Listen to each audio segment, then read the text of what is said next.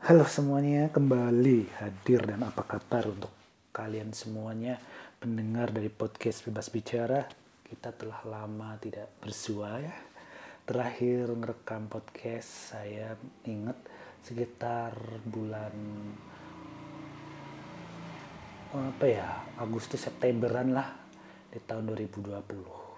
Dan kini saya kembali hadir untuk kembali menemani kamu dengan episode terbaru di tahun 2021 tepatnya di hari ulang tahun saya 9 Februari 2021 apa kabar untuk kalian semuanya? Kita telah lama tidak bersua. Semoga kalian dalam keadaan sehat dalam keadaan banyak rezeki dalam keadaan yang bahagia tentunya. Jangan lupa tetap jaga kesehatan jaga protokol supaya kita tetap sehat tetap bahagia dan tetap semangat menjalani hidup. Amin. Pada episode kali ini saya akan membicarakan tentang banyak hal berkaitan dengan hal ini. Pertama-tama saya akan membicarakan yang namanya tentang apa itu pikiran yang rumit. Jadi saya bersingkat aja ya. Ini mungkin nanti di ke depannya akan banyak bahasan random, tidak teratur, bahas ini, bahas itu jadi ya dimaklumi aja. Oke. Okay? Oke, okay, pertama-tama saya akan mulai lagi mulai dengan pembahasan tentang stres. Saya mengalami stres, stres banget. Yang stres paling banyak itu di tahun lalu, tahun 2020. Ya, saya harus mengalami ramanya stres yang luar biasa. Dan ketika itu aku hampir putus asa tapi puji Tuhan saya diberi kesempatan oleh Tuhan untuk memperbaiki diri sehingga aku bisa menata diri kembali dan sampai pada titik di mana saya masih dalam keadaan baik-baik saja sampai dengan saat ini. Jadi sebenarnya sumber stres itu adalah ketika kita berpikir banyak. Ketika kita memikirkan suatu hal yang itu belum tentu terjadi. Yang muncul adalah kecemasan dan kekhawatiran. Dan ketika kita memikirkan suatu hal yang sudah terjadi, yang muncul adalah penyesalan. Dan sadarkah kalian, sadarkah kamu bahwa ketika kita fokus hidup hanya buk, fokus hidup bukan fokus data detik ini saat ini, kita sebenarnya sedang mengalami namanya stres, ketidakbahagiaan. Stres adalah kita berada di saat ini tubuh kita berada saat ini tapi pikiran kita di tempat yang lain. Itulah dasar atau sumber dari yang namanya stres dan saya sendiri mengalami hal itu. Dan saya menyadari hal ini beberapa waktu ini. Ya pokoknya beberapa hari ini saya merasa lebih baik dalam berperasaan. Ketika saya berusaha untuk menahan pikiran ini supaya tidak terlalu mengawang ke masa depan dan mengawang ke masa lalu karena ketika itu yang terjadi, rasanya benar-benar membuat frustasi BGT.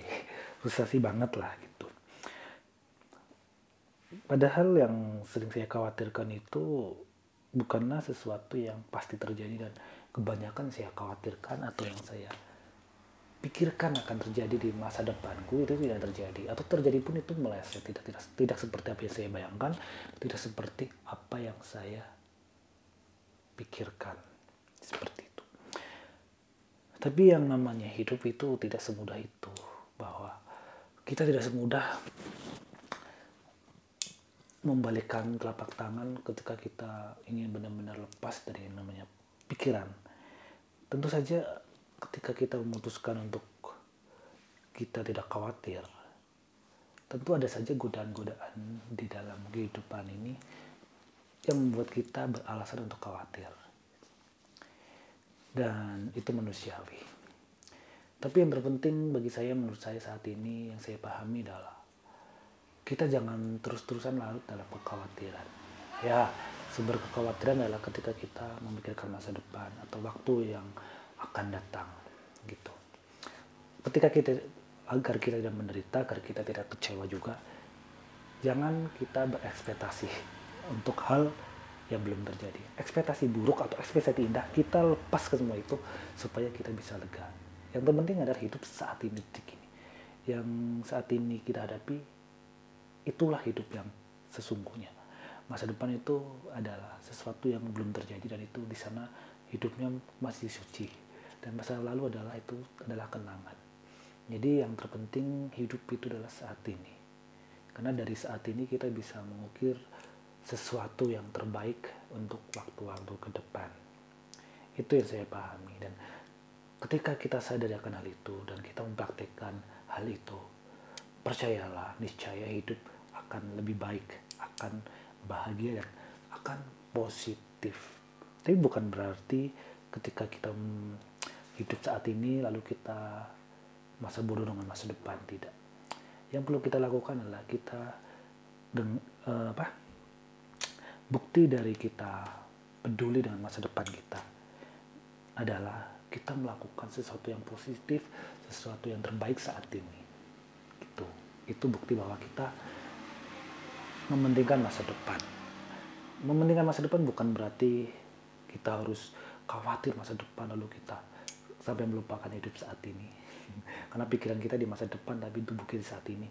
Kita melupakan hidup, kita melupakan hidup yang saat ini yang sesungguhnya itu yang tidak tepat. Tapi bukti dari kita menghargai hidup atau memiliki tujuan hidup di masa depan adalah kita melakukan yang terbaik di saat ini. Apa pun itu maksimalkan hidup istilahnya seperti itu dan bukti dari kita mengampuni masa lalu bukti dari kita. Apa ya? Berdamai dengan masa lalu adalah kita menjadi positif di saat ini. Ya ya itu nggak beda jauh ya. Intinya lakukan yang terbaik di saat ini. Begitu. Itulah sumber dari bahagia. Sumber dari kita bisa maksimal dalam hidup. Seperti itu. Gitu ya dan saya mau sharing lagi tentang berkaitan dengan no vape tapi no vape itu kegiatan tanpa vape. Vape dalam hal ini adalah PMO por masturbasi dan orgasme. Apa artinya? Adalah melakukan sesuatu yang berkaitan dengan pornografi dan pornografi dalam hal itu nonton film porno bacaan-bacaan porno gambar-gambar vulgar gitu. Itu yang disebut PMO dan saya telah menjalani Novep di tahun lalu, di tahun 2020 sekitar 4 bulanan, tapi saya jatuh dan gagal. Maka saya melanjutkan lagi di tahun 2020 juga, tapi dimulai dari Oktober. Dan sampai detik ini puji Tuhan saya masih bertahan dengan keadaan yang terbaik, dengan pagar kehidupan yang kuat. Mudah-mudahan sampai selamanya saya menjalani Novep. Kenapa? Saya merasakan dampak yang signifikan ketika saya meninggalkan yang namanya kecanduan kecanduan berkaitan dengan film porno dan masturbasi. Ketika saya meninggalkan hal itu, saya merasakan yang namanya perubahan dalam diri saya pribadi. Mulai dari pikiran yang jernih, mulai dari perkataan atau tata kalimat yang begitu ringan ketika diucapkan dalam artian ketika saya ngobrol saya lebih percaya diri saya lebih enak gitu. Kalau saat waktu-waktu di dalam PMO baru masturbasi orgasme di waktu-waktu kecanduan seperti itu saya ngobrol itu nggak bisa yang namanya fokus pikiran saya ke mana-mana melihat objek yang berkaitan dengan wanita. Itu sudah pikiran yang res gitu. Itulah. Tapi ketika saya meninggalkan yang namanya kecanduan semacam itu puji Tuhan dan atas izin Tuhan saya bisa hidup lebih baik dari yang sebelumnya ketika saya dalam kecanduan. Dari apa yang saya rasakan ini saya menyimpulkan bahwa kenapa selama ini hidupku tidak maju-maju. Kenapa selama ini saya sudah belajar baca buku, nonton video motivasi, dan tetek bengek ya yang berkaitan dengan pengembangan diri, tapi mental saya tidak berkembang. Diri dan hidup saya tidak berkembang sebenarnya kendalanya atau akarnya itu ada pada kecanduan saya, ada di dalam pikiran saya. Ya, pikiran yang rusak. Otak yang rusak. Karena apa? Karena pornografi dan masturbasi atau yang disebut PMO. memang benar dan sangat benar bahwa uh, ketika ada yang mengatakan yang ada yang apa namanya hmm, menilai ya menamai bahwa porno adalah narkoba lewat mata itu benar. Karena it, pornografi itu merusak otak. Ya ketika kita hidup dalam kecanduan semacam bokep ya itu ya itu otak itu rusak. Karena dan ada yang bilang e, menyusut kenapa menyusut? Karena ketika kita kecanduan dengan yang namanya film-film porno otak kita itu arahnya ke situ terus ke arah yang kotor ke arah yang negatif terus. Seperti itu. Jadi untuk berpikir yang lain itu susah. Karena bagi pengadut bokep atau pecahan bokep kebahagiaan yang tertinggi itu yang berada pada kalangan seks. Ya ada pada yang berbau-bau seksual. Entah nonton film porno atau melakukan seks bebas. Bagi pecandu bokep atau pecandu film porno hal yang paling bahagiakan hanya ada di lingkaran itu. Karena dopamine-nya. Ya dopamine apa tahu? Dopamine adalah suatu apa? Uh, hal apa ya zat kimia dalam otak yang itu bisa memunculkan rasa bahagia atau rasa senang atau rasa puas gitu. Nah, ketika kita nonton bokep, itu dopamine itu berlebihan sehingga ketika kita nonton habis nonton bokep kan kita langsung pasti satu paket dengan masturbasi ya. Ketika habis itu kita puas kan. Tapi setelah itu itu hanya bertahan beberapa saat ketika kita diam lagi kita muncul lagi hasrat melakukan itu dan itulah yang lingkaran setan yang kalau kita berada di situ sulit untuk keluar gitu masturbasi. Nonton lagi puas nonton lagi nggak ada puasnya. Kenapa? Ketika kita nonton film porno kita tidak akan menonton sesuatu yang sama dalam artian seperti Misalnya saat ini kita nonton bokep yang bergenre A, ya. Untuk nontonan kedua kita tidak akan mungkin nonton yang genrenya sama seperti itu. Kita mengharapkan sesuatu yang lebih lagi. Jadi dosisnya lebih tinggi, lebih tinggi, lebih tinggi, dan itulah seterusnya seperti itu. Jadi bokep itu para pecandu bokep itu itu mengharapkan setiap tontonannya, setiap waktu nontonnya itu adalah mengharapkan sesuatu yang beda beda lagi, beda lagi. Dan yang terjadi adalah ketika kita tidak bisa mengontrol diri dalam hal bokep, tontonan-tontonan kotor semacam itu, tontonan-tontonan najis semacam itu, yang terjadi adalah kita bisa melakukan yang namanya tindak kriminal. Kita bisa melakukan yang namanya pemerkosaan, pelecehan seksual, dan bisa sampai pada pembunuhan. Luar biasa efeknya kan ada yang bilang ah bokep kan itu ya wajar untuk laki-laki. Ini kan kalau aku pecandu bokep itu kan sebagian besar itu kan laki-laki. Kalau cowok cewek mungkin ada tapi kan kalangan besarnya kan laki-laki. Baik yang muda ataupun yang tua lah gitu. Kan ada yang bilang seperti ini aku juga pernah dengar pernah dengar gitu. Ya laki-laki ya wajar lah kalau nonton bokep. Wajar. Kalau nggak nonton gitu aja nggak belum jantan. Oke, oke, tapi sadarkah kamu bahwa dari kebiasaan yang buruk itu, kehidupanmu hancur? Jadi, saya sangat setuju ketika ada yang bilang bahwa bokep itu adalah narkoba lewat mata. Ketika kamu tidak bisa mengendalikan diri dalam kecanduan seperti itu, niscaya dan percayalah hidupmu hancur. Dan perkembangan karirmu tidak akan melejit rezekimu akan seret dan doa-doamu akan tidak didengar Tuhan. Didengar Tuhan tapi tidak dikabulkan. Jadi kalau kamu saat ini dalam kecanduan semacam itu berusaha untuk keluar. Memang tidak mudah. Aku pun tidak mudah.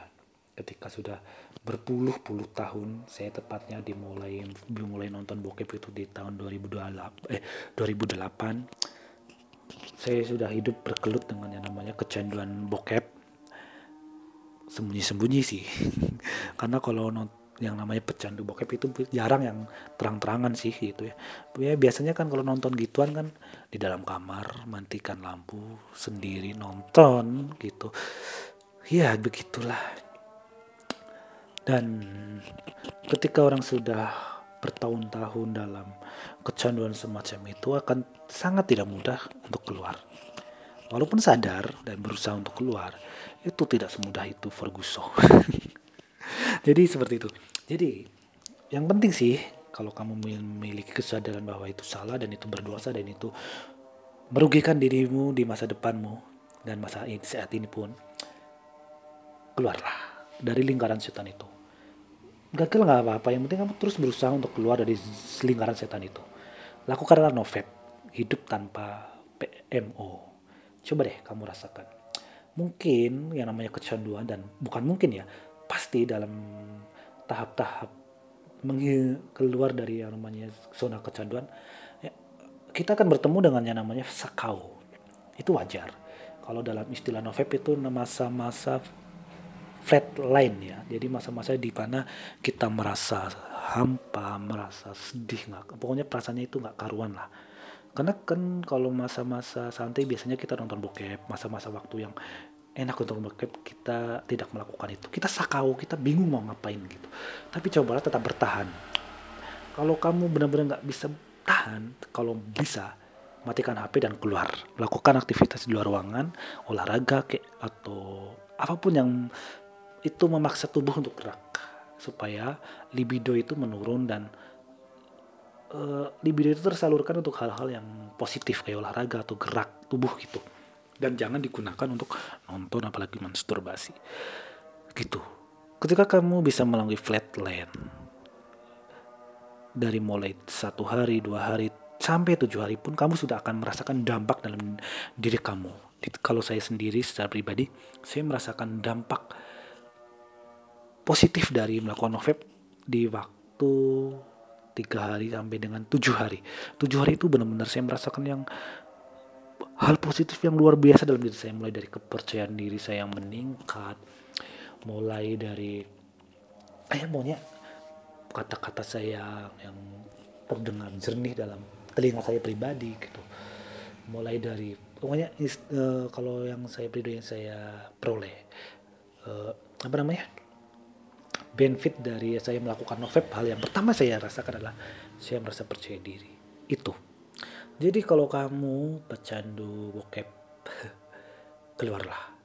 Mungkin kalau selama ini kamu hidupku merasa hidupmu merasa hampa hidup merasa kurang bahagia hidupmu merasa seret rezekinya itu mungkin karena kamu belum lepas dari namanya kecanduan bokep keluar dari situ dan rasakan manfaatnya dari novel. Ya, kamu baca buku seabrek apa pun buku pengembangan diri, video seabrek apa pun pengembangan diri. Tapi kalau kamu masih dalam lingkaran setan, pecandu, bokep, percayalah, hidupmu tidak akan berkembang. Kamu akan sulit belajar menyerap ilmu ketika otakmu itu masih dibelenggu oleh kecanduan bokep, kecanduan, pikiran-pikiran kotor, sulit sekali berkembang. Kenapa saya berani bilang seperti itu? Karena saya merasakannya gitu. Saya saya merasakan suatu hal yang luar biasa positif dan mudah sekali mencerna ilmu ketika saya lepas dari yang namanya PMO, ketika saya sedang menjalin novep kan pikiran saya jernih, pikiran saya mudah fokus. Dan ketika saya itu arah saya arahkan untuk belajar, itu mudah sekali masuk ilmunya, mudah sekali masuk saya mempelajari hal-hal yang baru. Bahkan pelajaran yang dulu banyak misalnya saya kan suka dalam hal pengembangan diri ilmu-ilmu psikis psikologi atau pengembangan diri gitu. Saya waktu mendengarkan ceramah yang sama di waktu saya saat saya masih kecanduan bokep. Dan ketika saya mendengar atau mempelajari saat saya sekarang mafep itu jauh luar biasa efeknya. Saya lebih mudah sekarang menyerap ilmunya gitu. Kalau waktu dulu ya menyerap tapi ketika saya masuk ke dalam zona bokep. Ilmu itu nyusut nggak tahu ke mana lupa selupa lupanya bro. Gitu. Jadi eh, saran saya untuk kamu yang pecandu bokep keluarlah. Percayalah bokep atau PMO itu bukan hal yang menguntungkan sama sekali. Itu merugikan masa depanmu dan hidupmu wahai sahabatku wahai saudaraku. Begitu jadi ini podcast yang saya rekam pada kali ini di 9 Februari 2021 gitu. Oke saya Telaksono undur diri dari podcast bebas bicara. Nanti kita bertemu lagi di podcast berikutnya nggak tahu kapan ya. Pokoknya sesempatnya lah gitu. Saya ini juga memaksakan diri sih karena sebenarnya malas tapi ya cobalah saya ngomong aja di depan mic. Ya udah itu yang ngomong dan thank you udah mendengarkan dan see you